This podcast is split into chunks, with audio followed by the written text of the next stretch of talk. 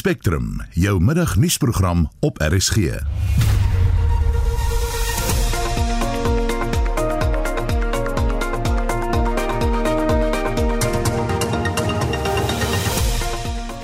die program Skok en ontsteltenis volg daardie griemmoord op 'n jong seun van Klawer in die Wes-Kaap.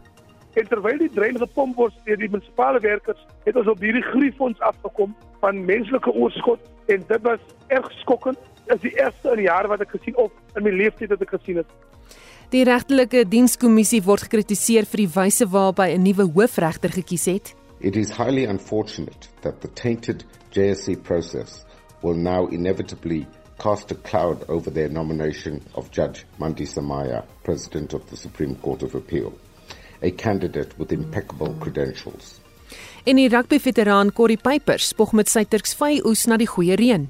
Dan gaan ek rukstye doen, konfyt doen en natuurlik die lekere doen ek lankal. Lekere het jy nie baie moeilikheid meer nie want daardie twee reën smaak almal lekker. Goeiemiddag, ek is Susan Paxton.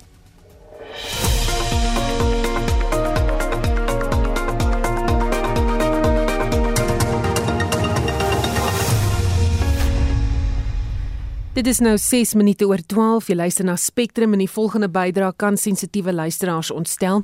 Die 56-jarige Daniel Smit het vandag in die Landdroshof op Klawer in die Wes-Kaap verskyn in verband met die moord van die 13-jarige Jerobian van Wyk. Hy het na bewering van Wyk vermoor en sy oorskot in 'n druin versteek. Die saak is tot 26 April uitgestel. Justin Kennedy berig intussen dat die gemeenskap woedend is oor die moord. Volgens berigte het Jerobayan en sy maats verlede Woensdag in die dorp rondgeloop en veselperskes aan 'n boom sien hang. Hulle het die vrugte gepluk. Die eienaar van die huis waar die boom staan, het hulle glo gesien en agterna gesit. Jerobayan se vriend het weggekom, maar hy self het spoorloos verdwyn. Die vermoede is dat die verdagte hom met sy bakkie gestamp en daarna na sy huis geneem het. Volgens sy prokureur, Santiman, het hy skuld erken. Vrydag hulle die oorblyfsels gekry in die drein en toe het ek vir hom daaroor gevra maar daai was nou geprivilegeer maar hy het toe erken en hy het gesê vir my dit is die kindjie wat weg is en dat hy bly skuldig daaraan en dat ek 'n verklaring daaroor moet opstel en vir die polisie moet gee. Ek kan sê dat hy heeltemal saamwerk dat watter inligting hy ook al vir my gee, dat ek vir die polisie moet gee met die opvolg van hulle ondersoeke. So hy is nie gekant dat ek dit doen om te help nie. Die uitvoerende direkteur van die organisasie vir landelike en plaaswerkerontwikkeling, Billy Klasen, is deur Jerobayan se ma, Trisa van Wyk, gevra om in te tree nadat die polisie volgens hulle traag was om die saak te ondersoek. Hy sê die polisie moes dadelik die verdagte se huis deursoek het. Woensdag aand was hy daar by die polisiestasie was hy nie reg gehad nie. Die polisie het ook nie die huis dadelik gaan deursoek van die verdagte nie. En dan toe ook op donderdagoggend was daar eers na die huis toe gegaan en ook steeds nie gaan deursoek nie, maar hulle die donderdagmiddag het hulle die verdagte gearresteer vir ontvoering, maar steeds nie die huis gedeursoek nie. En Vrydag eers is die huis gevind kan met honde en met 'n spesiale ondersoekeenheid van die polisie en hulle kon niks vind nie. Die provinsiale polisie woordvoerder, Novella Potelwa, sê die beweringe dat die polisie laks opgetree het, is onwaar. A family of a local 13 year old boy reported him missing to the police late on Wednesday evening. Glover police commenced with a search that took them to very late on Wednesday with no success, relying on the description of the missing child given by the mother. On Thursday morning, they resumed with the search and arrested the suspect on charges of kidnapping. As part of the ongoing search, on Friday afternoon, human remains were discovered on the suspect's premises.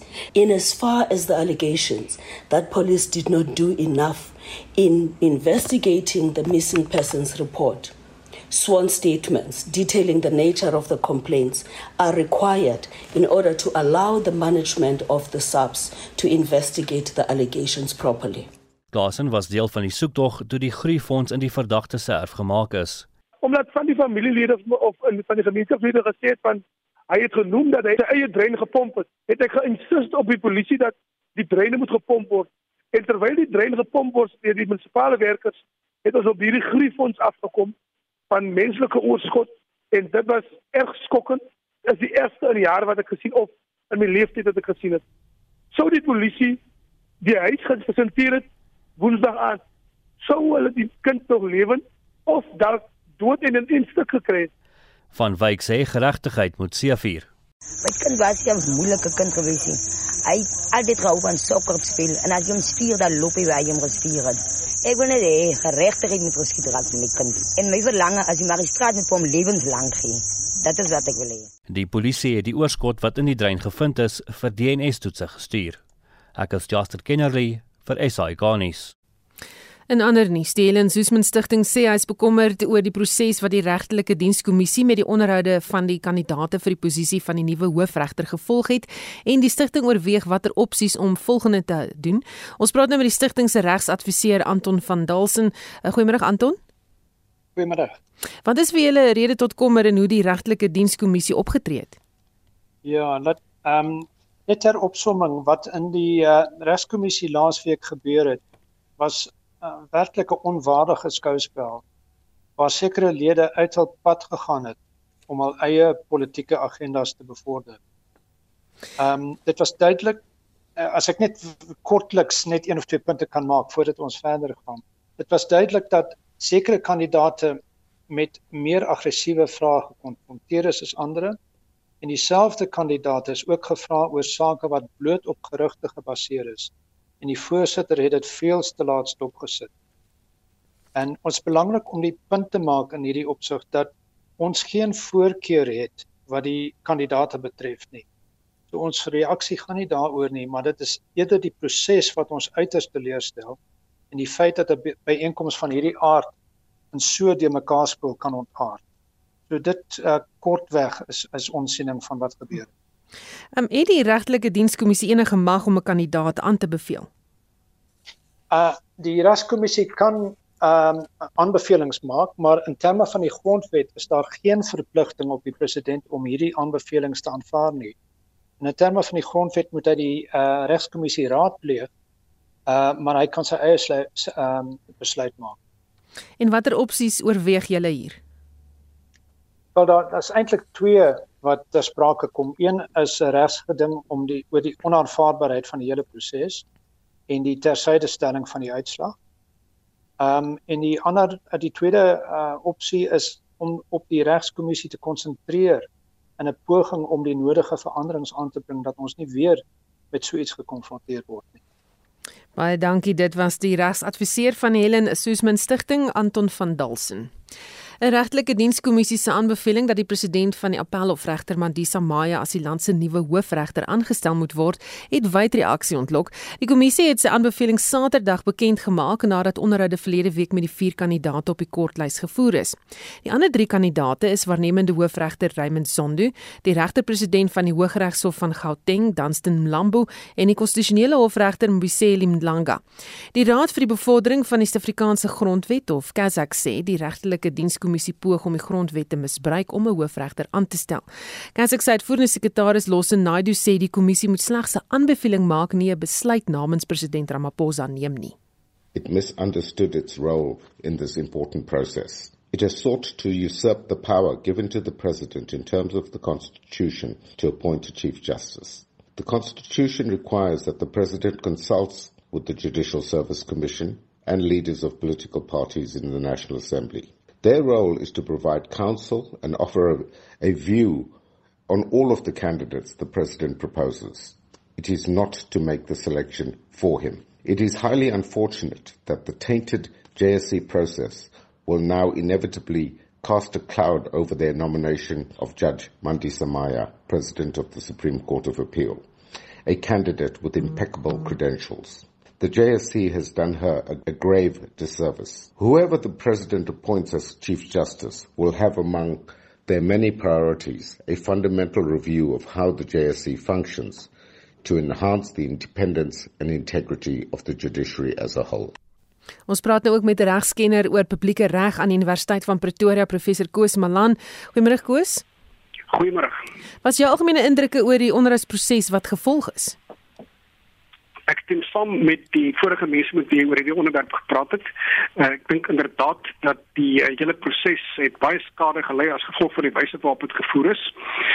Dit is klaarblyklik dat uh, die wyse waarop daar opgetree is teenoor regter Mlambo was doeteenvoudig uh, lasterlik daar word stellings teen teenoor hom gemaak sonder enige gronde en sonder dat hy vooraf daaroor gewaarsku is. Uh, dit kom absoluut uit die bloutheid wat net daarop gemik is natuurlik om sy posisie dramaties te verswak want die oomblik as daar 'n stelling gemaak word met betrekking tot seksuele molestering soos wat dit ten aansien van hom gemaak is. Uh ook uh, dat uh, dat hy dan nou hierdie uh, afwysende houding teenoor 'n vrou het, dan beteken dit in die aard van die saak dat sodanige persoon eintlik maar uit die proses uitgesluit word. Uh verder is dit natuurlik te gelyker tyd sodat daar eintlik spektakels was tussen uh, Julius Malema en dan ook dan aan die een kant en die minister van Justisie uh, aan die ander kant uh, wat uh, wat op mekaar geskree het wat natuurlik nie die wyse is waarop die uh, die regterlike dienskommissie behoort te funksioneer nie. Dit is 'n uiters uh, hoog aangeskrewe instelling grondwetlike instelling uh, wat egter uh, nou al seker vir 'n goeie 10 jaar uh, ernstig afbreek doen aan sy eie integriteit en sy eie aansien uh, as gevolg van die feit uh, as gevolg van die wyse waarop sake daar hanteer word. So ek stem saam, ek dink die proses is inderdaad ernstige skade aangedoen en ek dink uh, ook dis skade aangedoen soos wat uh, meneer Naidu so pas gesê het dat dit inderdaad uh, ook uh, die persoon wat éventueel aanbeveel is uh, aan die president om aangestel te word naamlik regter Maya uh, dat dit haar eintlik ook in die in die verleentheid stel vir soverre as wat die aanbeveling volg uh, op hierdie gediskrediteerde proses. Dan die samestelling van die paneellede, dink jy dit het reg geskied? Ehm uh, bedoel jy die samestelling van die van die paneel wat die ondervraging gedoen het? Ja. Eh uh, van die regterlike dienskommissie met ander woorde. Ja. Uh, kyk die uh, die die die samestelling is tot 'n groot mate voorgeskryf deur die grondwet self. Uh daarvolgens is daar uh, deurlopend 'n uh, meerderheid eintlik van ANC politici uh, wat dien op die kommissie 'n meerderheid van 12 uit 23. Dit is uh, presies hoe dit werk. Die grondwet maak daarvoor voorsiening. Uh, daar's natuurlik ook ander politici wat dien uh, onder andere uh, oppositiepolitici soos juis meneer Malema uh, en uh, enkele ander persone wat uh, dien op die kommissie van die van kant van die DA en van die kant van die van die Vryheidsfront Plus. Uh, dan is daar natuurlik ook mense wat die regsberoep verteenwoordig uh, en uh, ook een persoon wat uh, die regsakademie verteenwoordig. Dit is die samestelling van die kommissie. Wie presies die betrokke persone is uh, wat uit die kategorieë aangewys moet word. Die is natuurlik uh, egter die besluit van die uh, betrokke politieke partye uh, wat hulle mense aanwys. Uh, uh, Byvoorbeeld uh, is dit nie uh, verpligtend vir die EFF om as 'n politieke party noodwendig van Malema aan te wys nie. Maar Malema wil natuurlik graag in sy hoedanigheid as leier van die uh, van die uh, van die EFF aangewys word juis sodat hy hierdie baie skerp en afbreekende politieke rol kan speel wat hy die afgelope tyd speel. Uh jy sien kyk in die finale instansie die werkgrondwetlike instellings soos volg. Uh jy kan bepalinge sê wat sê hoe die kommissie saamgestel moet word en hoe hy moet funksioneer. Net soos wat jy bepalinge kan hê wat sê op watter wyse die parlement moet funksioneer of die nasionale vergadering meer bepaal of hoe regters behoort te funksioneer. Maar ten slotte hang dit daarvan af op mense wat by enige van hierdie instellings betrokke is. Die ongeskrewe reëls baie belangrik ongeskrewe reëls van gepasheid en van beskaafdheid volg. Dis nie eers neergeskryf nie. Jy weet dit as jy in 'n bepaalde forum is, tree jy beskaafd op. As jy nie wil optree, jy nie op beskaafde wyse wil optree nie, dan ver ongeluk jy die proses. En dis presies wat hier gebeur het. Uh dit is trouens al geruime tyd, ek wil dit beklemtoon, uh, wat hierdie probleem die regtelike dienskommissie tuister, uh as gevolg waarvan hierdie instelling regtig baie ernstige reputasieskade gelei het in so 'n mate dat dit 'n uh, baie ernstige vraagteken plaas ook oor integriteit integriteit van die regbank as sodanig. Om die probleem hoegenaamd op uh, op op uh, op 'n vinnige skaal op uh, vir die onmiddellike vir die onmiddellike op te los, beteken dood eenvoudig dat jy 'n sterk voorsitter nodig het. Dat wanneer lasterlike stellings gemaak word soos wat Malema gemaak het, Uh en wanneer mense byvoorbeeld optree soos wat uh, sommige van die ander persone opgetree het, uh, dat jy 'n uh, voorstel van die van die van die betrokke prosedure moet hê, van die proses moet hê wat onmiddellik ingryp en die uh, en die vraag stop en sê luister hierdie vraag is buite orde. Uh jy kan nie voortkom om die vraag te vra nie en die kandidaat aan wie die vraag gerig is, hoef ook nie die vraag te beantwoord nie. Dis waarvoor 'n voorstel daar is. Hmm. En uh, as dit nodig ja. is om drasties op te tree, om vinnig op te tree, dan moet dit inderdaad gebeur en ongelukkig het dit in hierdie geval nie gebeur nie, wat natuurlik ook 'n refleks werp uh op die op die gehalte van die voorstelskap wat uitgeoefen is. Baie dankie. Dit was professor Koos Malane, regskenner oor publieke reg aan die Universiteit van Pretoria. En ons bly by die storie en praat nou met die dekaan van die Skool vir Sosiale Innovasie aan die Huguenot College op Wellington, professor Erwin Schwella. Goeiemôre Erwin. Middag Susan, middag luisteraars. Is die keuse van 'n nuwe hoofregter wie ook al daardie besluit neem 'n politieke of regsbesluit? Dis 'n kombinasie van politieke en regsbesluite en dan moet mense dit ook koppel aan die samelewing. Uh die uh geregshowe en die hele regstelsel en die regstaat funksioneer in belang van die samelewing. En dit sluit eintlik al hierdie verskillende instellings in. So dit is definitief gereël deur die grondwet en die ander wetgewing wat aan die grondwet gekoppel is in die verband en dit skep dan die proses waardeur dit op 'n wettige wyse manier 'n wettige wyse gedoen word. Maar dit moet ook op 'n manier legitimiteit. Dit moet die vertroue kry van die bevolking. Dit moet 'n proses wees wat bewys lewer dat daar vertroue kan wees in die instellings omdat daar regverdigheid en billikheid is wat nie net juridies getoets kan word nie. Dit moet 'n proses wees met integriteit. Dit baie van die dinge wat uh, my kollega die die regsgeleerde professor Malan uh, gesê het, stem ek 100% saam. Aanvullend daartoe werk ons hier met vertroue, met integriteit, met waardigheid en behoort die idee te wees dat die optrede van hierdie lede van die kommissie die vertroue in die stelsel en in die proses moet opbou, nie afbreek nie. En wanneer hulle self onwaardig optree en uiteindelik ons vertroue afbreek, dan voorstel dit niks goed vir die uiteindelike aanstelling nie, want dit gaan dan ook regtens waarskynlik bevraagteken word in die howe, maar die mense gaan nie vertroue in die instelling hê nie en ons het reeds 'n uh, geweldige uh kom ons sê agteruitgang in die vertroue wat Suid-Afrikaners in ons instellings het en veral ook in die regeringsinstellings. Hmm. Dink jy die proses deur die regtelike dienskommissie was 'n totaal deursigtige, objektiewe en onafhanklike proses? Deursigtig in die sin dat uh, mens sien wat daar gebeur. Jy jy jy jy, jy kon die betrokke geleentheid op die media uh volg, maar natuurlik om daar uit te kom, ehm um, is daar prosesse wat nie so deursigtig is nie. So die die die openbare forum waar hierdie drama afspeel is is is sigbaar en deursigtig. Ehm uh, daar daar kan selfs vrae wees oor hoe vir die kortlys uitgekom. Daarvan weet ons minder. Daar is eh uh, dan ook maniere waarop 'n mens daarop kan teruggaan. Ehm um, wat binne in die in die in die vergadersaal in die forum gebeur, ehm um, is verseker nie, dit voel nie vir my asof dit billik en regverdig was nie. Dit voel my asof daar 'n klomp suidighede, het sy persoonlike suidighede, professionele suidighede en veral politieke suidighede is wat hier 'n rol speel.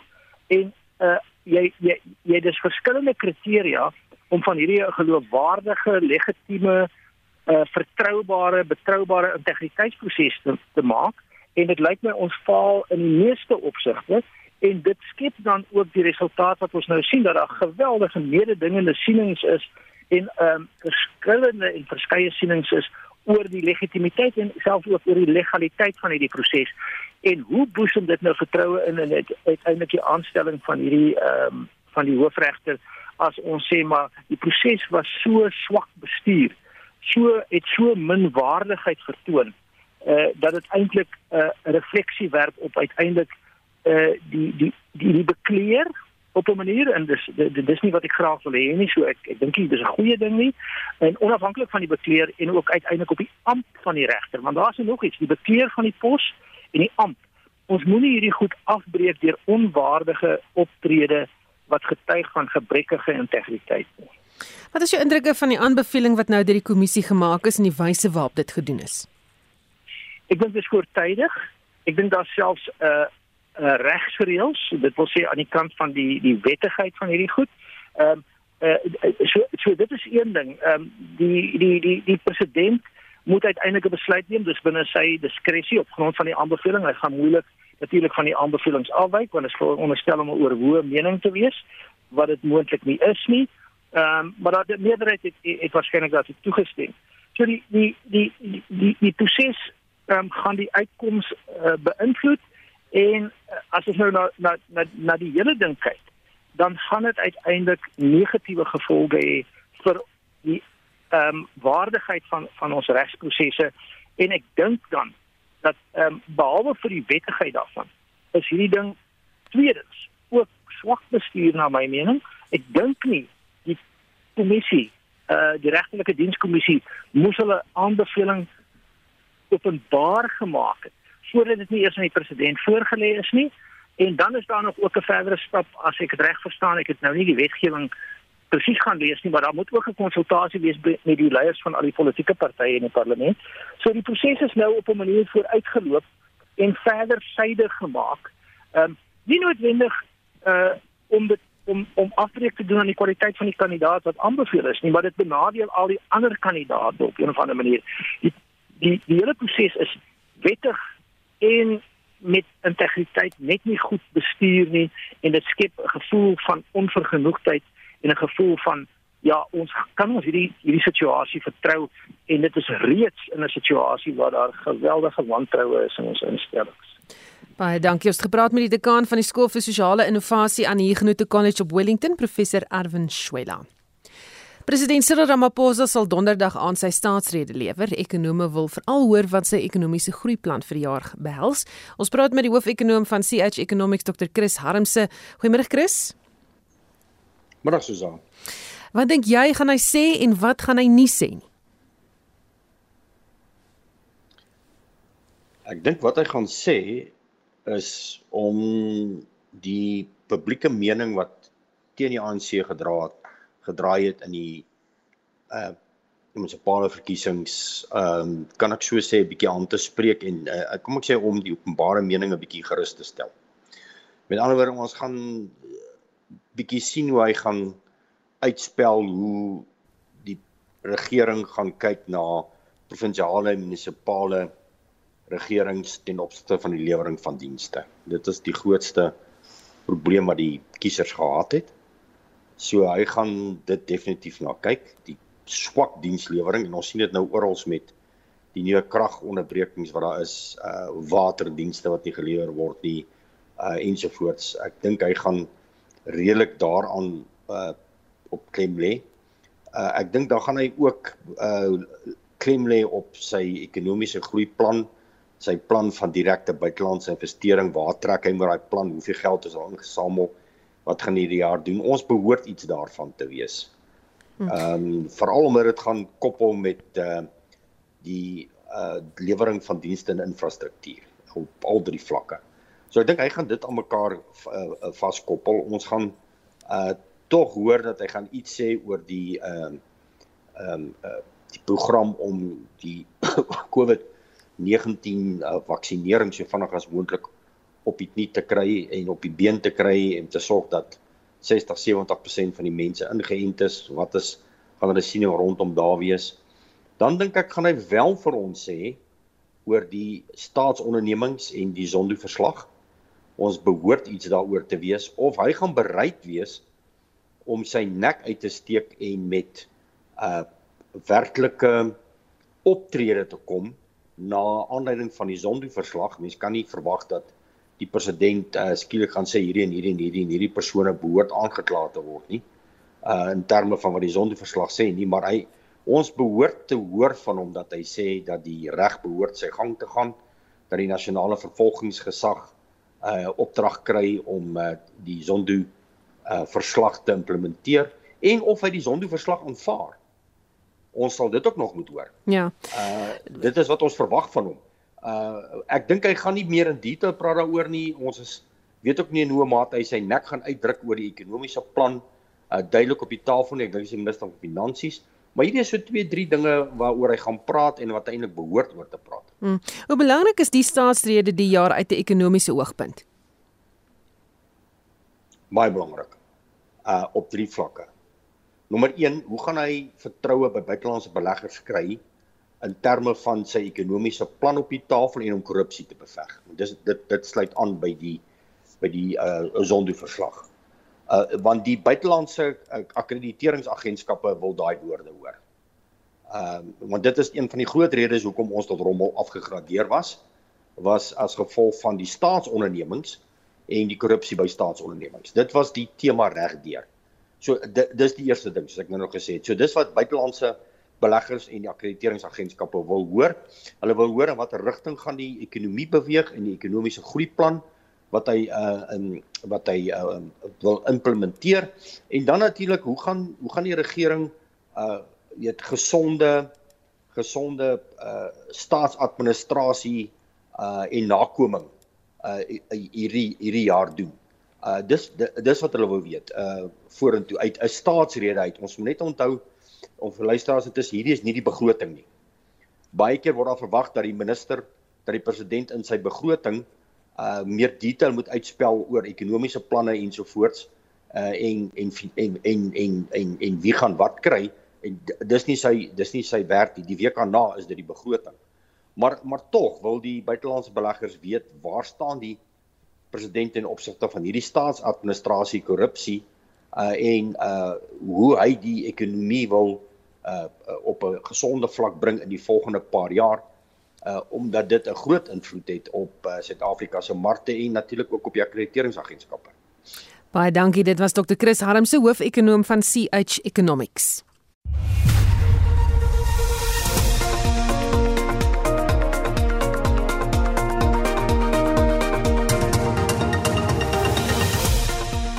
Hoofnuus vandag die moordbeskuldigde Daniel Smit het in die Klawer Landdroshof aan die Kaapse Weskus verskyn. 'n Groep vissermanne wat buite die Hooggeregshof in Kaapstad betoog sê hulle is nie geraadpleeg oor 'n seismiese opname wat aan die Weskus uitgevoer word nie en die rugbyveteraan Corrie Pyper spog met sy Turksvy oes na die goeie reën. Dan gaan ek rugstye doen, konfyt doen en natuurlik die lekere doen ek lankal. Lekere het jy nie baie moeilikheid meer nie want daardie twee reën smaak almal lekker. Bly ingeskakel.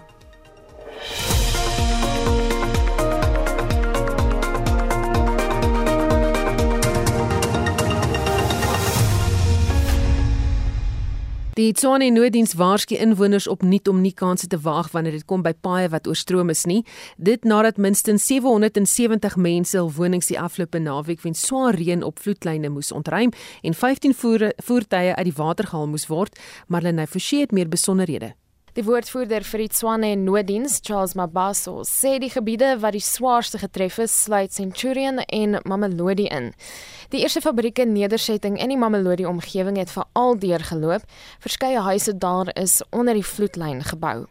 Following the rains Friday into the early morning of Saturday, we responded uh, to that area and then immediately identified a need to evacuate some residents, of whom some of their shacks were partially submerged in the water, and uh, with others that were on the rooftops of their shacks. Die owerheid het tog teenkanting ontvang van inwoners op hul wonings se dakke wat geweier het om dit agter te laat. The matter was given over to the leadership including local councillors to persuade them. 16 buses from the Tshwane bus services as well as a bus and uh, 23 seater buses from the Gauteng EMS were also made available. There was an evacuation of 700 residents from within the informal settlements in Mamelodi to Nelmapia's wall, followed by another 70 to the to Mamelodi West Community Hall, where they received and are still receiving temporary sheltering. Die inwoners ontvang mediese en ander hulp. Uh, community and social development is ensuring that they are receiving a hygiene packs as well as meals while the utility services are taking care of the mop-up operations around that area in Mamelodi. Intussen sê Mabaso minstens 15 voertuie is tussen Vrydag en Saterdag uit die water gehaal. An estimated number of about 29 plus people rescued from the vehicles. But we had an unfortunate incident where a community member, their buggy was swept, had to lose their life, where a recovery was conducted uh, by the South African Police Services late yesterday after conducting a further sweep of the area in the Hanops after the water subsided. There was a follow-up search Die soektog na 'n man wie se boot oor die wal van die Rodeplaat dam meegesleer is, duur nog voort. Maar Baso beklemtoon verder dat vir al bestuurders van 4x4 voertuie en sportnutsvoertuie nie kanse moet vat nie. They seem to take water for granted and uh, try to cross flooded low water bridges or roads. A little amount of water if it exerts particularly a lateral force can easily sweep that particular vehicle. And if you are not able to see a road surface, it is very dangerous because you might be driving away from the road surface into a side of a bridge or the road surface might have been swept away by the water which could easily overturn a vehicle. Dit was die woordvoerder vir die Swan en Noodiens Charles Mabaso. Marlene Forsie is hy konnies. Op internasionale front die burgemeester van Ottawa, die Kanadese hoofstad, het 'n noodtoestand afgekondig te midde van die vragmotorbestuurderstaking wat die stad nou al meer as 'n week lam lê. Jim Watson, die burgemeester, sê die noodtoestand gaan help om ander hulpbronne wat nou nodig is om die situasie te bestuur beskikbaar te maak. Die betogings is teen verpligte inentings. Ons praat met Roland Henwood, politieke ontleder aan die Universiteit Pretoria. Goeiemôre Roland. Goeiemiddag Susan. Kanada is nie bekend vir sulke tipe betogings nie. Waar kom dit vandaan? Ja, dis die beeld van Kanada as een van stabiliteit en voortvarende 'n uh, uh, uh, gemeenskap wat welvaar en in die breë nogal tevrede is met wat gebeur en baie vreedsaam is. Maar hy sien ons 'n ander deel van Kanada en en waarskynlik 'n ander realiteit en dit is die feit dat mense gefrustreerd is met die omstandighede dat nuwe regulasies wat afgekondig word en daar's voortdurende veranderinge in regulasies. Nou spesifieke mense teiken en en en die die doel mag is nie noodwendig om mense te teiken nie maar hier's 'n spesifieke groep mense wat voel hulle word geteken en nou in opstand kom. En en nie net ontevrede is nie maar nou baie redelike dramatiese aksie neem deur ehm um, met swaar voertuie stedelike gebiede, stedelike sentra doeteenvoudig af te sper en en en te wys op hulle ontevredenheid, maar die hierdie ding groei nou. Maar nou begin allerlei ander frustrasies en probleme en ander politieke agendas deel word van die proses. Hmm. En daar staan nou hierdie idee dat uh, baie van die vragmotor vragmotorbestuurders uit Amerika sou kom met hierdie idees en dit word nou oorgedra. Dink jy dit gaan die gesprekke oor inenting in hierdie land verander? dit kan die die gesprek beïnvloed. Ehm um, ons moet onthou dat dit is nie net ehm um, die bestuurders wat ontevrede is nie. Daar's 'n groot klomp ander mense ook. Maar maar daar's tog 'n paar interessanthede in Kanada. Die een is dat 'n groot klomp mense is, het aangedui hulle is ontevrede en gefrustreerd met die streng maatreëls wat geld rondom COVID. Maar die meerderheid mense is nog steeds ten gunste van maatreëls al is hulle gefrustreerd daarmee. En ek dink dit is die uitdaging wat die regering in Kanada en waarskynlik reg oor die wêreld mee sit. Hoe versoen jy die strewe na veiligheid, die beperking van die COVID ehm um, siekte, die virus aan die een kant, maar dan ook aan die ander kant wat doen jy om mense se ontevredenheid te bestuur en die beperkende maatreëls op so maat in so wyse te gebruik dat dit mense nie tot hierdie tipe dramatiese of radikale optredes laat wend nie. En ek dink dit is die punt. Ja, van hierdie kom uit die FSA uit en dan saam met dit is daar al hoe meer nie net gerugte nie, daar's bewyse dat 'n groot klomp geld vanuit die FSA na Kanada gestuur word om hierdie ontevrede mense te ondersteun en om die radikalisme wat daar is eintlik te bevorder dan kry jy ook die uitsprake van voormalige president Trump wat baie beledigend is teenoor die premier van Kanada um by name en dan ook ter ondersteuning hiervan. So jy kry die bymekaar kom van 'n hele klomp eintlik goed wat nie met mekaar direk te doen het nie wat dan 'n politieke konteks skep wat baie moeilik raak om in Kanada te hanteer. En ons het dit ook gesien in ander plekke in die wêreld. So dis nie net 'n unieke verskynsel nou in Kanada nie. Ons het ook in Europa gesien hoe dit gebeur, maar dit maak dit 'n baie komplekse situasie om te hanteer. Ons sien selfs al meer hier op eie bodem dat belangegroepe soos vragmotorbestuurders wat gewoonlik nie 'n stem het nie, nou hulle stemme dik maak oor kwessies. Um jy weet hoe sou jy die tendens dan nou beskryf? Ek dink dis 'n kwessie van bewuswording, dis 'n kwessie van dat mense sien maar daar kan iets gedoen word in terme van spesifieke belange. Dit gaan ook oor groter organisatoriese vermoë en dan die gebruik van moderne kommunikasiemediums wat dit baie makliker maak om te kan kommunikeer en om direk met mekaar te kan kommunikeer. Um vragmotorbestuurders reg oor die wêreld speel 'n baie belangrike rol ongelukkig eers sigbaar word wanneer hulle daai diens weer hou. Ons het gesien in Brittanje met die Brexit proses. Ons sien dit gereeld in ander plekke in die wêreld hoe dit gebeur. Die die probleem hiermee is dat jy natuurlik ook in Suid-Afrika 'n vermenging kry van baie en politieke doelwitte saam met die ander belangrike doelwitte wat eintlik breedweg spesifiek die sektor beïnvloed. En dit is wanneer dit problematies raak. Baie dankie, dit was 'n politieke ontleder verbonde aan Universiteit Pretoria, Roland Henwood. Die sakeman en sokkerklub eienaar Sandile Zungu het na bewering sy naam in die hoed gegooi vir die KwaZulu-Natal ANC voorsitterspos. Die provinsie is bekend vir 'n bloeddorstige politieke geskiedenis en die verwikkelinge die resies vir die premierskap van die provinsie uiteindelik 'n heel ander wending laat neem of eerder 'n wending laat neem. Zungu sê egter hy besluit nog of hy wel die stap wil neem. Well, I'm not ready to decide whether I'm going to run or not. Uh, I was approached quite repeatedly uh, recently, most particularly after the November elections, uh, to consider contesting for the leadership of the ANC. Um, it's uh, a completely new terrain for me, so it was only prudent that I consult as far and wide as possible, including remarkably my family uh, my business colleagues, my own organization, including the supporters of Amazon Football Club, uh, to seek their wisdom and guidance. And I'm very much at the tail end of that, and uh, I'll make my decision known uh, probably tomorrow or Wednesday. En dit was die sakeman en sokkerklub eienaar Sandile Zungu. Ons praat nou verder oor met 'n politieke ontleder verbonde aan die Noordwes Besigheidsskool, professor Andrei Dievenage. Uh, jy het nou gehoor wat sê uh, Sandile Zungu, wat is die politieke klimaat in die provinsie? Is die voorsitter tans uh, Siglesiek of die voorsitter tans Siglesiek Lale wat ook die premier is, nie die gunsteling nie? Uh Susan, as ons vinnig net iets oor KwaZulu-Natal politiek in die breë iets kan sê.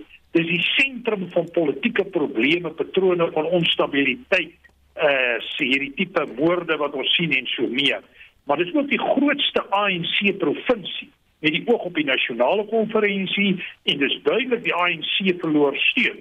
En die projeksies is dat 2024 dat die IFP geleide koalisie 'n sterk moontlikheid is. Nou op die oomblik is die ANC met 'n aantal distriks verkiesings besig. Ek weet alreeds van die uitslae van 4 van hulle en dit lyk asof die RET groep, die radikale ekonomiese transformasie groep, baie goed doen. Maar jou vraag oor die voorsitter daar staan drie lyne Idizile Zikalala en dis die huidige voorsitter met 'n politieke lyn na Ramaphosa se kant toe. Dan is dit die LER vir finansies, Nomsa Dube Nkube wat ek dink sterk bande het met die radikale ekonomiese transformasie groep.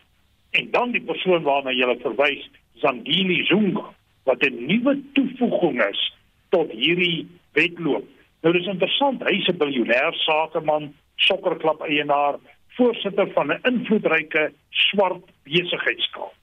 Sy probleem is dat hy nie 'n sterk gevestigde politieke steunbasis, die Engelse terme is constituency nie. Maar wat hy wel het, is geld wat vir al die radikale ekonomiese transformasiegroep bevoordeel en uh, my kyk op hom is dat hy waarskynlik ideologies polities nader aan Zuma lê. Hy word ook verbind aan die Zuma staatskaping era. So wat ek hier lees is dat sy toetrede eintlik 'n poging is om groter druk op Zigelala te plaas ter beveiliging van die RET groep. En dit is 'n effense rooi lig vir Ramaphosa in KwaZulu-Natal. Die politiek in uh, jy weet in die provinsie raak gewoonlik ook baie gewelddadig. Daar's 'n geweldige lang kultuur Susan van konflik en onstabiliteit in daai omgewing. Ons kan dit terugtrek na die pre-koloniale tyd, tyd van die Difakan of die Nifakan en so meer. En daai konflik bly voortduur al die pad.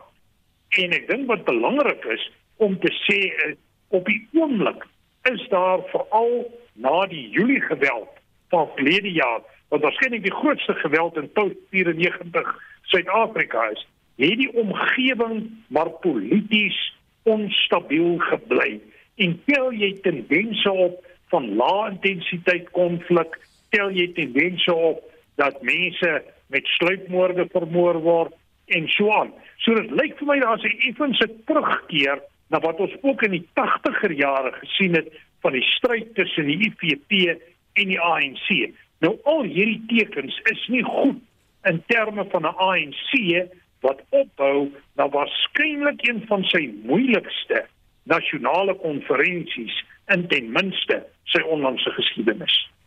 Baie dankie, dis ongelukkig alwaar ons tyd het, maar dit was professor Andrei Dievenage, politieke ontleder verbonde aan die Noordwes Besigheidsskool. Die omgewingsdrukgroep Green Connection het om vandag na die Hooggeregshof in Kaapstad gewend vir 'n dringende hofaansoek om seismiese opnames aan die Weskus te verhoed. Die betrokke gebied strek vanaf Port Nolloth in die Noord-Kaap tot Houtbaai in die Wes-Kaap. Die organisasie se gemeenskapskoördineerder, Neville van Rooi, het aan Marlenae Forsie gesê, die natuur- en vissersgemeenskap in die gebied gaan aan die kortste end trek indien gas en olie later ontgin word.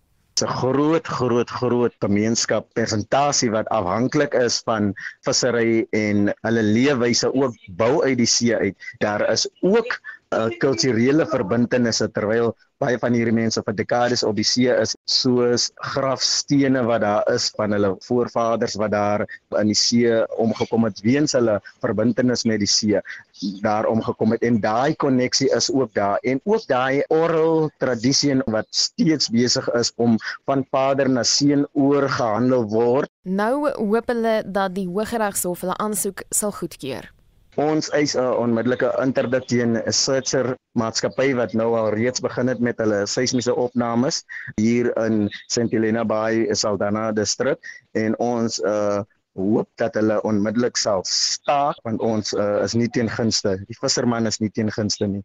Ons is bekommerd dat hulle verder die oseaan sal verwoes en die leefwyse.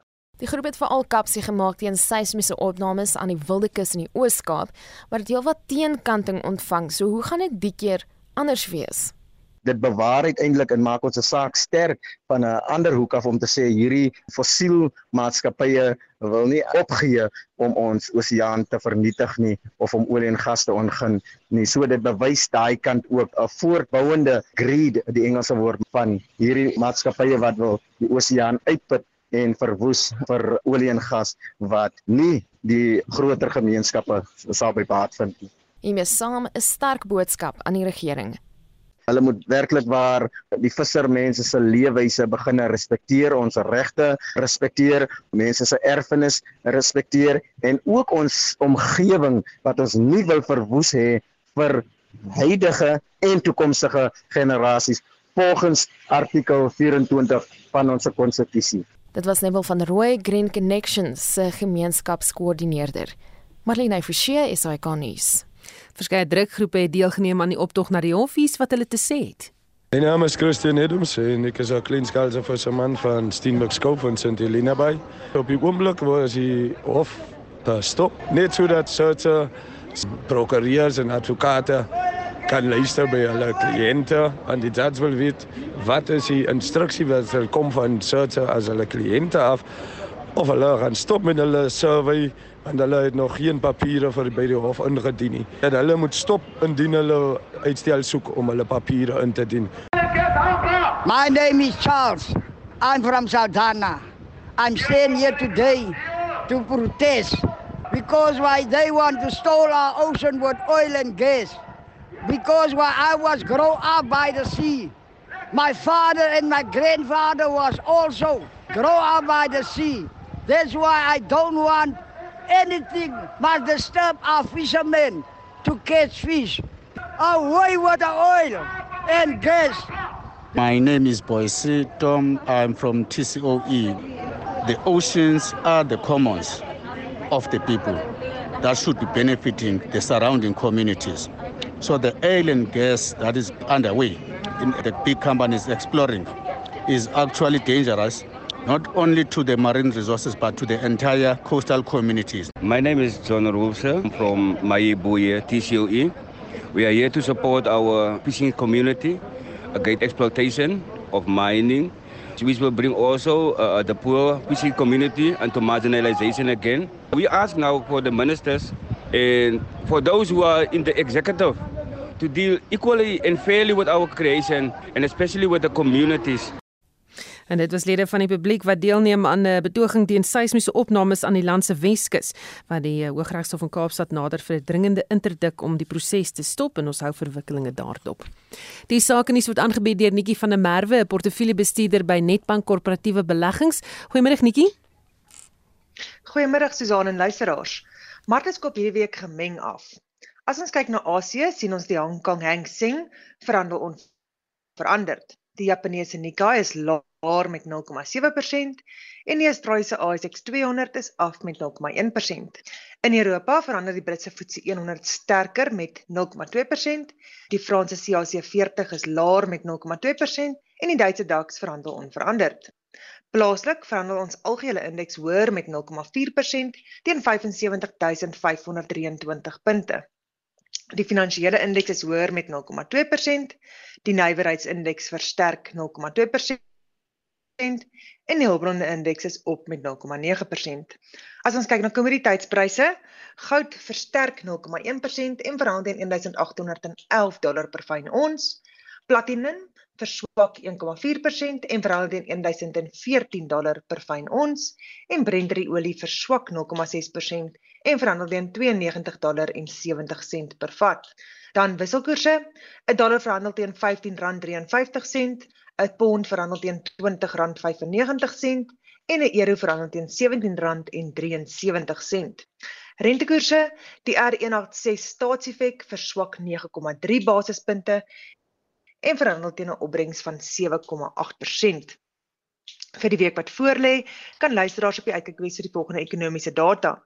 Die sentrale bank se reserves vir Januarie word bekend gemaak, die sake vertroue vlakke en dan ook die mynbou en vervaardigingsproduksiesyfers. Baie dankie. Dit is die einde van die sake nuus. En dit was Netjie van der Merwe, portefeuljebestuurder by Netbank Korporatiewe Beleggings. 'n Vrou is vroeg vanoggend in die kantoor van Johannesburg se Metro in hegtenis geneem. Sy het glo onder 'n lesenaar weggekruip en was in besit van rekenaar harde skywe. Esie de Klerk het meer besonderhede. Johannesburg se burgemeester, Mpopelatsi, het bevestig dit is dieselfde vrou wat ook in Januarie by die gebou ingebreek het. Pelatsi het in Januarie in 'n verklaring bevestig altesaam 30 rekenaarharde skywe is by twee departemente van die Johannesburg se metro gesteel. Die harde skywe is by die regsafdeling en die ontwikkelingsbeplanningsafdeling van die metro op die 3de en 6de verdiepings van die gebou gesteel.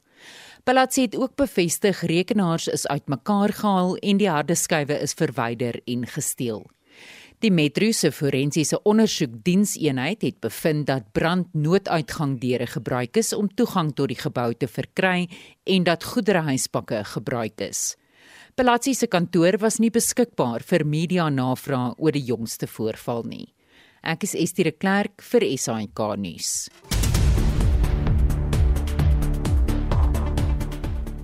Die verslag oor die onrus in Julie verlede jaar is vroeër vanoggend bekend gestel en Justin Kennerly het vir ons meer daaroor. Ja, in die lywige verslag bevind onder meer dat die polisie en die intelligensiedienste onvoldoende opgetree het. Die kombinasie van swak toegeruste polisiestasies en onvoldoende opgeleide polisiebeamptes het daartoe gelei dat hulle oorweldig is. Ons is aan die verslag het ook bevind dat ministers klaarblyklik ingemeng het in ander beamptes se portefeuilles en het ook onder mekaar beklei. Die paneel het verskeie bevindinge gemaak en Monitor sal môreoggend meer besonderhede hê. En nog vars nuus, Suid-Afrika se gesondheidsproduktebeheerraad SAPRA het die gebruik van die Chinese COVID-19-enstof Sinopharm goedgekeur. Die dubbeldosis enstof is goedgekeur vir mense bo die ouderdom van 18 en Pfizer se Comirnaty enstof is ook goedgekeur vir kinders ouer as 12. Dan ander nuus wat opslaa maak is die hofverskyning van Daniel Smith van Klawer naby Vredendal. Hy word aangekla in verband met die moord op die 13-jarige Jerobian van Wyk, die nasionale vervolgingsgesag se Erik Ntabazila. He is charged with murder, kidnapping, assault with intent to cause grievous bodily harm and defeating the ends of justice. The case has been postponed until the 26th of April 2022 for further investigation. The accused lawyer has indicated that the accused does not intend to apply for bail. Nou video's wat op sosiale media gedeel is, wys hoe mense aan die hofgebou se hekke ruk en pluk en ook dreig om die polisiekantoor af te brand. Die polisie moes eh, die betogers met skokgranate uiteenjaag. En uh, die proses wat gevolg is met die onderhoude van uh, die kandidaate vir die pos van nuwe hoofregter het verskeie organisasies warm onder die kraag. Anton van Dalsen is van die Helen Suzman Stichting en het hulle kommer vroeër met Spectrum gedeel. Dit was duidelik dat sekere kandidaate met meer aggressiewe vrae gekonfronteer is as ander en dieselfde kandidaat is ook gevra oor sake wat bloot op gerugte gebaseer is en die voorsitter het dit veel te laat stopgesit. Nou die N1 suid in Pretoria was die afgelope naweek gedeeltelik gesluit. Sanral het geotegniese ondersoeke gedoen vir die rehabilitasie van die pad en Sanral se noordelike streeksbestuurder, Progress Glala, is tevrede met die data wat ingesamel is. We are working on correlating it with the borehole data that we have because we've been sinking some boreholes as well. So we're now integrating that data and finishing off on the model. So it will take us a bit of time, but hopefully as the week progresses, we have more information, yeah. En laastens 20 kinders is na die hospitaal gehaas na hulle 'n giftige gas ingeasem het uh, by 'n skool in Richards Bay in KwaZulu-Natal. Maar meer besonderhede is nog nie bekend nie en Monitor sal dit ook opvolg. En dit was Justin Kennedy met die jongste nuus.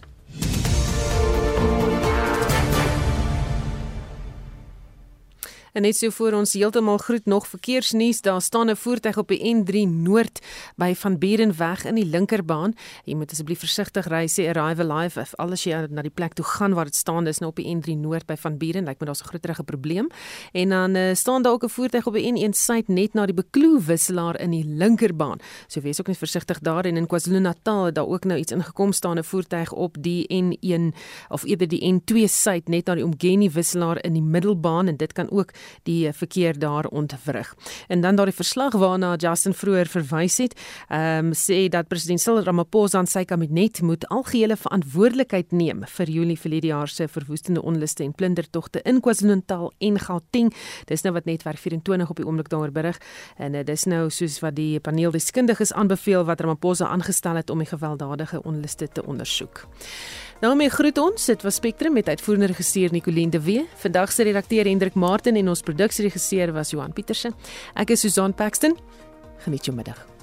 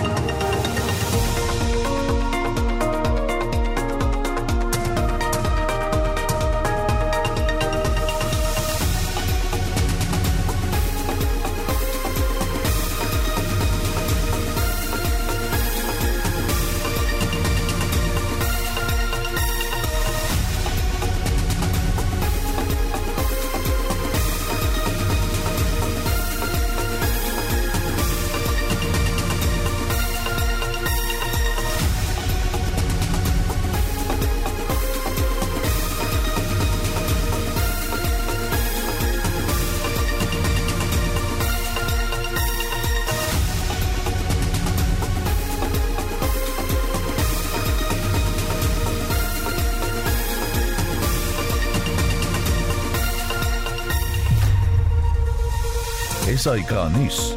Onafhanklik, onpartydig.